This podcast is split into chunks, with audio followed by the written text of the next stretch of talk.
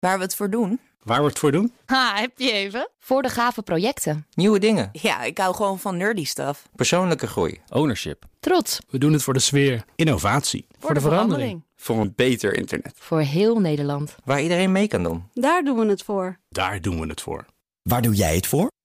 Kom werken voor KPN en groei op jouw manier. Check de actuele vacatures op het gebied van data, security, development en networking op jobs.kpn.com/tech. BNR Digitaal wordt mede mogelijk gemaakt door Orange Cyber Defense. Orange Cyber Defense. Build a safer digital society. Blijf scherp. BNR Nieuwsradio. Digitaal. Herbert Blankenstein.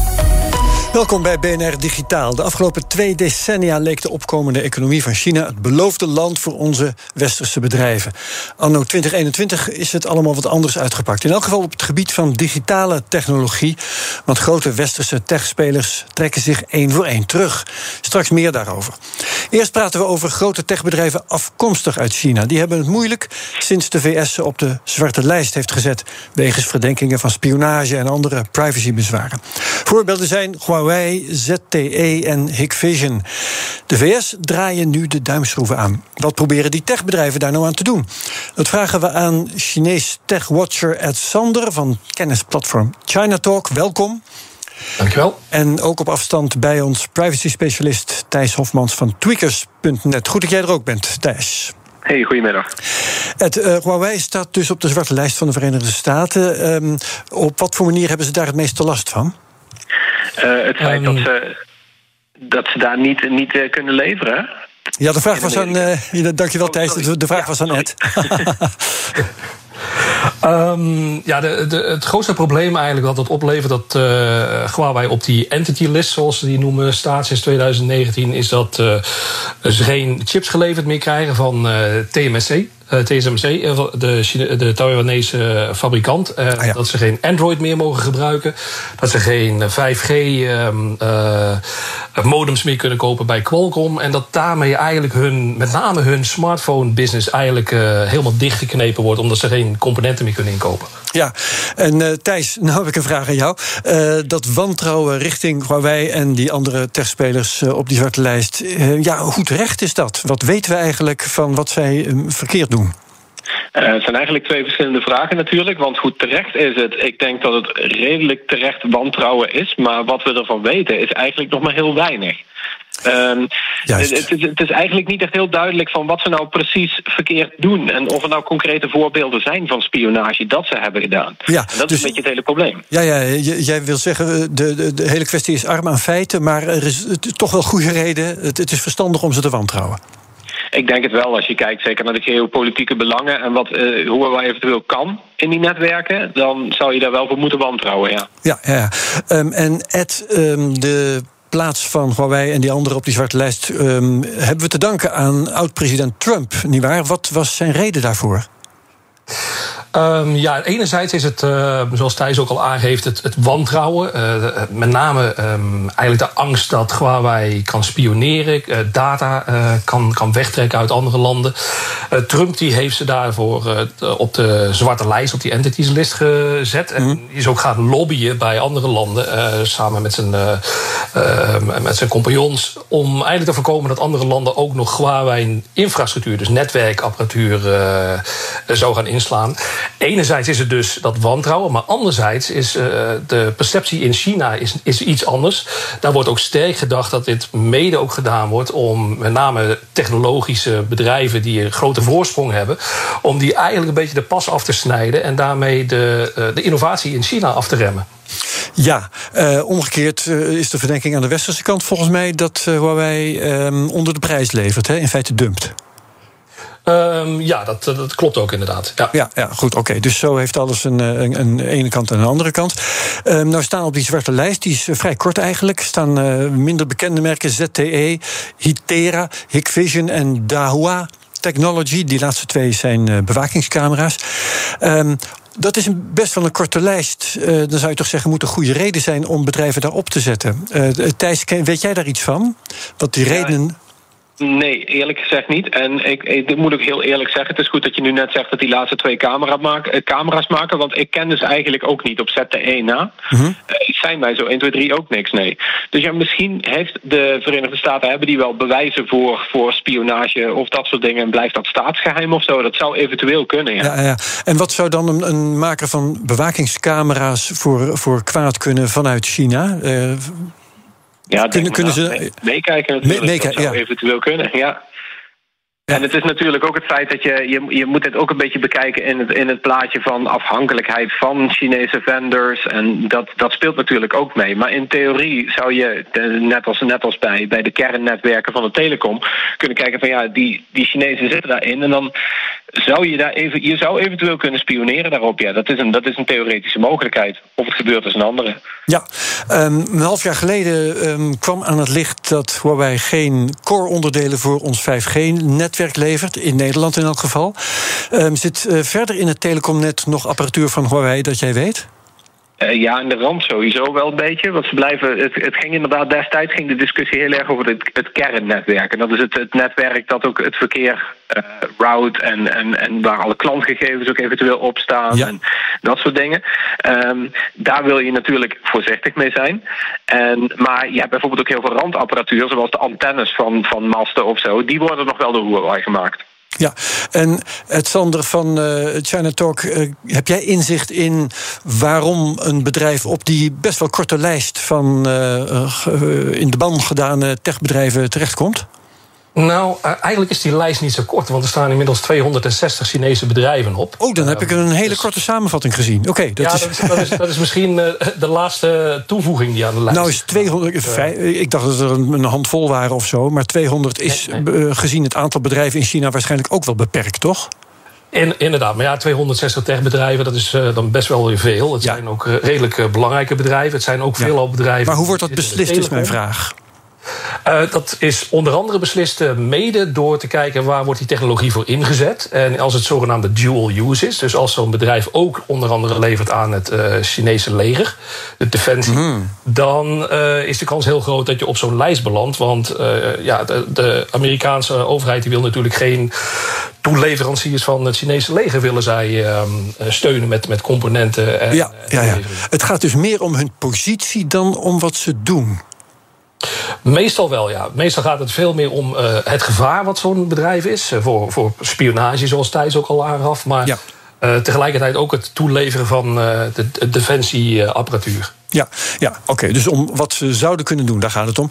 Eh nou is het nieuws uit de Verenigde Staten van de afgelopen week dat eh, internetproviders eh, geen apparatuur van Huawei meer mogen gebruiken voor hun netwerk. Dat was voorheen alleen nog als het door de overheid werd betaald. Maar nu maakt het niet meer uit wie betaalt. Het gaat er gewoon om dat internetproviders die apparatuur niet meer mogen gebruiken. Ze krijgen zelfs geld om bestaande spullen te vervangen. Moeten we dat in Europa ook doen, Thijs? Eh, Ja, er zijn een hoop providers natuurlijk ook al mee bezig. Hè. Er zijn, de meeste die zijn wel zeker, eh, de providers zoals Vodafone die Europees opereren, die zijn ook wel echt bezig om dat overal in Europa te doen, ja. En de- in, in veel gevallen door druk van nationale overheden die gewoon zeggen inderdaad van het mag niet. Eh, in andere gevallen omdat ze zelf ook wel denken van het, het zou wel eens risico's kunnen opleveren. Ja, en daar ben jij het mee eens, Ed? Ja, er zit zeker een, een hoger risico aan. Eh, de, de afweging die je moet maken, wil je tegen een lager budget eigenlijk je infrastructuur inrichten. En neem je genoegen met, eh, met een mogelijk wat hoger risico. Ik denk dat Ja. je dat risico ook, ook kunt onderzoeken en kunt monitoren. Ehm, of eh, inderdaad kies je voor een, een duurdere oplossing met meer veiligheid. Ja, en Huawei ehm, probeert nu eh mazen in de wet te vinden, zal ik maar zeggen. Eh, ze maken een dochtermerk, dat heet Honor. Dat is een tijdje eh, terug afgesplitst. Maakt nu nog smartphones en mag die leveren in het Westen. Terwijl het in feite die vroegere toestellen van Huawei zijn. Ehm, eh, Ed, is dat, ehm, is dat goed te keuren dat, dat die uitzondering wordt gemaakt voor Honor, terwijl het in feite gewoon de toestellen van Huawei zijn? Nou ja, kijk, in, uh, het ligt iets anders. Uh, de, de boycotts die hebben grotendeels natuurlijk ook effect op uh, de infrastructuur, de telecominfrastructuur. En hier gaat het om smartphones. en omdat de ja. meest geavanceerde chips niet, meer chips niet meer geleverd kunnen worden, kun, kan Huawei die smartphones niet maken. Dan kunnen ze er vervolgens voor kiezen van gaan wij dat gewoon helemaal stoppen. Um, als je kijkt bijvoorbeeld naar het Huawei-merk binnen China, dan is dat van zo'n 30% marktaandeel naar 8% al gekelderd. Of ga je zeggen van nou, ik ga dat afstoten, ik ga dat verkopen aan andere consortiums. Um, of ik ga dat onder licentie, ga ik mijn technologie ga ik afstaan aan andere partijen. Ja. Um, zolang dat niet opnieuw een, eenzelfde gevaar oplevert als waar men bang voor is onder Huawei, dan lijkt mij dat op zich niet zo heel erg verkeerd. Ja.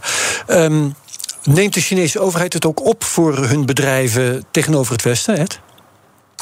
Uh, ja, zeker. Kijk, net zoals dat er gelobbyd wordt voor uh, het, het uitsluiten van Huawei, wordt er door de Chinese overheid ook gelobbyd voor het gebruiken van Huawei. Hoe doen ze dat? En op het moment, nou, op het moment dat ik geloof dat het Noorwegen of Zweden was, die uh, recentelijk een beslissing heeft genomen om Huawei niet op te nemen in hun netwerk, dan wordt er door de Chinese overheid wel gezegd van nou, dat kan jullie ook wel eens duur en daar valt uh, Ed Sander weg. Um, Ed, uh, sorry Thijs, um, als we toch heel graag hardware uit China willen gebruiken, bijvoorbeeld die bewakingscamera's of uh, een of ander modem. Kun je die dan zo instellen, kun je ze onderzoeken en instellen dat ze toch veilig te gebruiken zijn? Dat je je voor die spionage kunt beschermen? Ja, ik, ook, ook daarbij moet je wel een belangrijk onderscheid maken. Kijk, als jij als consument een uh, Chinese camera koopt, dan ja, dan, dan is dat met een wachtwoord wel te beveiligen. Maar als je het hebt over uh, de kernnetwerken van onze telecomindustrie, dan moet, je dat, dan moet je dat soort beveiliging niet overlaten aan gewoon je beveiligingsafdeling. Dat, dit, dit gaat over zulke grote belangen en zulke grote um, problemen en zulke grote netwerken, dat dat eigenlijk niet zomaar te doen is, nee als een Huawei ja. daarin wil spioneren, dan lukt ze dat wel. Daar gaat een wachtwoord of tweestapsverificatie jou niet, uh, niet in stoppen. Nee, oké. Okay. Maar op consumentenniveau, als het bijvoorbeeld gaat om bewakingscamera's, dan is een wachtwoord eigenlijk afdoende, zeg je? Ja, het liefst, het liefst zou je zeggen: koop gewoon geen Chinese camera's. Ja. Spendeer iets meer geld. Ja, maar ik geef even twee, drie tientjes meer uit aan een fatsoenlijke camera waarvan je weet dat die betrouwbaar is. Dat is altijd nog het, het slimste om te doen. Dus dat toch weer wel. Oké. Okay. Uh, ja. Dankjewel, uh, Thijs Hofmans van Tweakers. En Ed uh, is weer terug qua verbinding, maar blijf even bij ons voor het volgende onderwerp. Herbert Blankenstein. Want dat gaat namelijk over Chinese. Uh, we hebben het gehad over Chinese bedrijven die op westers verzet stuiten. Omgekeerd speelt het uh, ook. Afgelopen weken trekken opvallend veel westerse bedrijven zich terug uit China. Dat gebeurde met LinkedIn. LinkedIn is van Microsoft trouwens, maar ook Yahoo en recent de populaire game Fortnite van Epic Games. Weg uit China. Gaan we bespreken met Ed Sander, Chinees tech-watcher van kennisplatform China Talk. Ed, ben je er weer? Ik ben er weer. Ja, welkom terug, nu via de telefoon. Um, we gaan die bedrijven zo direct één voor één af. Uh, maar is dat toeval of is er inderdaad een trend van westerse bedrijven die wegtrekken uit China? Uh, het is eigenlijk wel een trend. En eigenlijk moet ik er meteen erbij zeggen dat er eigenlijk niet zo heel erg veel uh, westerse techbedrijven, in ieder geval op digitaal gebied, nog actief waren in China. maar je ziet de laatste tijd inderdaad wel dat er steeds meer bedrijven een overweging maken en besluiten om hun biezen te pakken en het land te verlaten. Ja, um, laten we eens kijken naar uh, Epic met Fortnite. Dat is de meest recente die uh, zijn biezen pakt. Um, het is opvallend omdat Epic Games voor een groot deel van Tencent is, hè, de Chinese mediamagnaat. Wat zijn de overwegingen van Epic? Nou, het, uh, in het geval van Fortnite is het zo dat Fortnite eigenlijk nooit officieel gelanceerd is. Het is eigenlijk een test geweest van, uh, van drie jaar die ze hebben gedaan. En Fortnite heeft nooit toestemming gekregen om hun verdienmodel, het verkopen van, van in-app zaken, om dat uit te rollen in China. Dus ze hebben er geen stuiver aan verdiend. Tegelijkertijd wordt allerlei wetgeving wordt steeds strenger. Um, uh, er wordt gekeken, nou zitten tieners niet te veel online games te spelen. Maar ook de datawetgeving die wordt in China heel erg sterk aangetrokken. Um, en ik denk dat een hele hoop bedrijven, inclusief Fortnite, de afweging maken van uh, is hier eigenlijk nog wat te verdienen? Of zijn de kosten voor het ja, compliance met dit soort wetgeving, maar ook de censuur um, die, je, die je moet toepassen binnen China, is het dat nog wel waard? Ook gezien de reputatieschade die je eventueel thuis oploopt. Ja, ja, ja, maar kunnen Chinese bedrijven dat dan wel, een game exploiteren daar? Nou, daar gelden in principe gelden daar dezelfde regels voor. Um, alleen die Chinese bedrijven die zijn vaak een stuk meer ingericht en, en, en, meer gewend om met die Chinese regels natuurlijk ook om te gaan. Wat daarnaast meespeelt, is dat uh, een van de nieuwe wetten uh, die er recentelijk is ingevoerd, die uh, zegt dat er geen data van Chinese consumenten geëxporteerd mag worden vanuit China naar buitenlandse servers. Dus ja, dat, dat levert behoorlijk complicaties en, en, extra kosten op voor dit soort partijen. Want ja, ja. dan moeten ze alles in China gaan organiseren. Omdat westerse bedrijven hun spullen dan moeten dupliceren in China. Dat is ja, een kostenpost. Ja. ja, begrijp ik. Uh, LinkedIn is al een tijdje weg uit China. Waarom kon LinkedIn het niet bolwerken? Nou, LinkedIn is in 2014 in China op de markt gekomen en was eigenlijk al meteen een hele beperkte versie. Bepaalde dingen kon je gewoon niet delen op, op LinkedIn. Er werd ook censuur toegepast. Ik heb het zelf ook fre frequent geprobeerd om iets te posten op internationale LinkedIn. En als ik mijn VPN uitzette, dan was het verdwenen. Uh, als ik ja. het weer aanzette, dan, dan was het er weer. Dus het was een gecensureerde versie. Um, maar het is nooit echt heel erg populair geweest in, in China. Ze hebben eigenlijk recent besloten nadat ze in, in maart al een keer op de vingers zijn getikt door uh, de overheid. Omdat ze schijnbaar uh, onvoldoende censuur uh, toepassen op hun platform. Hebben ze ook, zij hebben besloten dat de, de, de kosten niet meer, of de kosten zijn te hoog en het weegt niet meer op tegen wat ze er eigenlijk kunnen verdienen. Dus ja. dat ze beter het land kunnen verlaten. Maar behalve dus de censuurkwestie sloeg LinkedIn daar ook gewoon onvoldoende aan, als ik jou goed begrijp. Ja, er zijn sowieso een hele hoop platforms die ongeveer hetzelfde doen. En uh, in China geldt sowieso cultureel gezien dat persoonlijke netwerken veel belangrijker zijn dan dit soort social media zakelijke netwerken eigenlijk. Dus um, ja, LinkedIn is nu van plan om een soort van uh, vacature-site te beginnen in jobs. Maar dat bestaat ook al in China, dus ik geef ze er eigenlijk weinig kans van slagen um, met, met dat nieuwe initiatief. Ja, oké. Okay. Um, ander interessant techbedrijf is natuurlijk Facebook. We moeten intussen zeggen Meta. Hoe gaat het met Meta in China?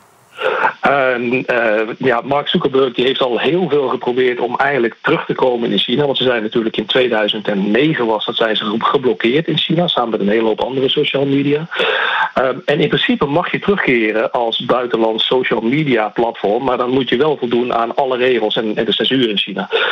Daar heeft Facebook een paar jaar geleden aan gewerkt. Ook Google heeft gewerkt aan een gecensureerde uh, zoekmachine. En ze zijn daarmee gestopt, eigenlijk ook mee, met name onder druk van publieke opinie toen dat aan het licht kwam. Um, dus daar de zijn publieke opinie mee, in het Westen bedoel je dan, hè, denk ik? De, in, inderdaad, in het Westen. Ja, ja, ja. Um, daar zijn ze mee gestopt. Ik gaf ze ook weinig kans van slagen als ze ermee door waren gegaan. Want als je kijkt naar hoe ver sociaal uh, media platforms in China al zijn, met zaken als WeChat, dat, is, dat loopt echt jaren voor op waar wij staan. Uh, dus ik denk niet dat het ooit een succes zou zijn geworden. Maar Facebook is nog wel aanwezig natuurlijk in China om daar advertentieruimte te verkopen van Chinese bedrijven die willen adverteren op hun platform in het Westen. Oké, okay, dus die mogen ons via Facebook wel bestoken. Ja, ja. Ja, ja. Oké, okay, um, je noemde Google al. Vind ik ook een interessant onderwerp. Google is volgens mij in 2019 in China gestopt. Hè? Hoe is dat ja, gegaan? Klopt. Um, daar was uh, sowieso was al een, een gecensureerde zoekmachine op dat moment. Dus Google had ja, een gecensureerde zoekmachine. Ja. Er was veel over te doen, inderdaad. Ook opnieuw publieke opinie natuurlijk die meespeelt. Maar er waren ook een aantal uh, Gmail-accounts die waren gehackt. En op een gegeven moment heeft uh, Google besloten van wij, wij werken hier niet meer aan mee. Ze zijn eigenlijk hebben ze zich verplaatst naar Hongkong. Um, en waarschijnlijk gedacht van nou, we kunnen van, vanuit hier kunnen we die Chinese markt nog wel bedienen. Maar zijn daarna heel erg snel marktaandeel verloren aan partijen als Baidu en zijn heel erg klein geworden, totdat ze uiteindelijk uh, de meeste Google-diensten helemaal gecensureerd zijn in, in China. Dus um, dat is eigenlijk hoe het, uh, hoe het is gebeurd met Google. Ja, zijn er nou westerse techbedrijven die het wel redden in China? Um, niet zo heel erg veel. Um, als je kijkt, uh, Microsoft die heeft nog wel Bing als, uh, als zoekmachine in China. Die wordt denk ik net zoveel gebruikt in China als in het Westen. Ja, maar wel uh, gecensureerd dus, en zo, neem ik aan dan. Gecensureerd inderdaad. ze hebben ook Skype, daar hebben ze een Chinese versie van, die, die ook gemonitord wordt. Zoom, die heeft een aparte Chinese versie. Er zijn niet zo heel erg veel... Um, westerse bedrijven die mij te binnen schieten op digitaal gebied, die in China actief zijn en ook echt succesvol zijn. Daar. Nee, inderdaad. Um, en er zijn er meer, hè, want uh, we hebben het nog niet eens gehad over Uber en eBay uh, bijvoorbeeld. Uber ja. is ook vertrokken uit China, als ik me niet vergis, toch? Ja, het, probleem is dat de meeste van dit soort partijen die het geprobeerd hebben, ook in markten die minder gevoelig zijn voor censuur, die redden het gewoon niet, omdat de concurrentie moordend is, veel sneller gaat dan dat wij hier in het Westen gewend zijn. Ja. Um, en waar ligt dat dan aan, als ik vragen mag? Uh, komt dat door, uh, doordat de Chinese bedrijven bevoordeeld worden? Of komt dat doordat de uh, meestal Amerikaanse, de westerse bedrijven op een of andere manier die markt niet voldoende in de vingers krijgen? Nou, het is, het is enerzijds onvoldoende lokalisatie. Uh, die, die ze uitvoeren om, om het product geschikt te maken voor de lokale markt. Dus ook gewoon onvoldoende culturele uh, gevoeligheid. Ja. Daarnaast is het zo dat Chinese techbedrijven... die zitten eigenlijk in elke sector. Wat wij in het Westen graag doen, wij willen iets unieks... en we gaan ons daar helemaal op richten. Als een Chinees techbedrijf, kijk bijvoorbeeld naar een Alibaba of naar een Tencent, uh, ziet dat er ergens anders een interessant marktsegment is, dan storten ze zich daar ook meteen op, ongeacht of er drie andere partijen dat ook al doen in China. Dus daardoor is die concreet. Het gaat veel meer om, om het vasthouden van, van die gebruiker en die consument door hem nog meer diensten te bieden, dan heel erg uniek te zijn in jouw aan, specifieke aanbod. Elk uh, Chinese techbedrijf is een soort supermarkt, als het ware. Een, een aantal daarvan inderdaad, die, die hebben zogenaamde super-apps waar je heel veel verschillende dingen in kunt. Ja, ja. Um, wat, wat het beeld dat dan oprijst, hè, uh, met het, uh, het eerste deel van deze uitzending en nu het tweede deel waarin ik met jou alleen praat, dat is dat Chinese bedrijven worden gedwarsboomd, redden het niet in het Westen, en westerse bedrijven redden het niet in China. Krijgen we wat dat betreft twee internetten? Ja, dat, dat is eigenlijk al aan de gang. En dat eh, noemen we onder China Watches noemen we dat vaak het, uh, het chinternet of het splinternet. Ja. Uh, dus dat is al heel erg aan de gang. Maar je ziet zo, zo nou en dan zie je toch initiatieven die wel slagen in beide markten. En het mooiste voorbeeld daarvan is eigenlijk TikTok. wat wat ja. Douyin is van, van ByteDance. wat in, in alle markten eigenlijk heel erg goed aanslaat. Omdat het niet meer zo gebaseerd is op culturele gevoeligheid. Want het wordt gedreven door een algoritme dat zelf wel bepaalt wat mensen geserveerd moet worden. Maar, maar zijn dat dan, zo'n TikTok, is dat een uitzondering? Uh, of, of wijst dat de weg naar hoe het moet? Nou, uh, ik denk dat het enerzijds de weg wijst naar hoe het moet. Uh, is, in het verleden niet geslaagd om succesvol te worden. Nee, maar als in, je in kijkt het Westen, ja. In het Westen inderdaad heeft Tencent 300 miljoen tegenaan gegooid in marketinggeld. Is, is niks geworden. Um, maar als je bijvoorbeeld ook kijkt naar uh, Shein, een platform voor fast fashion. Als je kijkt naar verschillende Chinese cross-border e-commerce bedrijven zoals AliExpress. Die zijn toch ja, wel, wel steeds sterker aan het worden in het Westen. Ja. Steeds populairder aan maar dan noem je dus vooral Chinese bedrijven die hier succesvol worden. Ja, Niet het omgekeerde. Omgekeerd zie ik het niet zo heel erg snel uh, gebeuren, omdat uh, ja, tenzij er inderdaad ook een, een, een, nieuw platform komt, wat veel meer algoritme gedreven wordt, wat minder uh, hangt op, op culturele inzichten. Um, en dan nog ja, zijn er zoveel regels uh, waar je moet voldoen, wat heel erg veel additionele kosten oplevert in China, dat de meeste bedrijven of, ja, het, het waarschijnlijk niet zullen overwegen. Oké, hartelijk bedankt uh, Ed Sandre van China Talk voor je inzichten over het splinter. Over BNR Digitaal. Je kunt dit programma terugluisteren via bnr.nl, onze app of de podcast-app die jij gebruikt. En dan vind je ook mijn andere podcasts zoals de Cryptocast, de Technoloog en Space Cowboys. Wat BNR Digitaal betreft, heel graag tot volgende week. Dag. BNR Digitaal wordt mede mogelijk gemaakt door Orange Cyber Defense. Orange Cyber Defense. Build a safer digital society. Ook Diana Matroos vind je in de BNR-app. Ja, inderdaad. Je kunt live naar mij luisteren tijdens de Big Five. Ook handig in de BNR-app. Breaking nieuwsmeldingen, maar ook het allerlaatste zakelijke nieuws. En je vindt in de app alle BNR-podcasts, waaronder Wetenschap Vandaag. Download nu de gratis BNR-app en blijf scherp.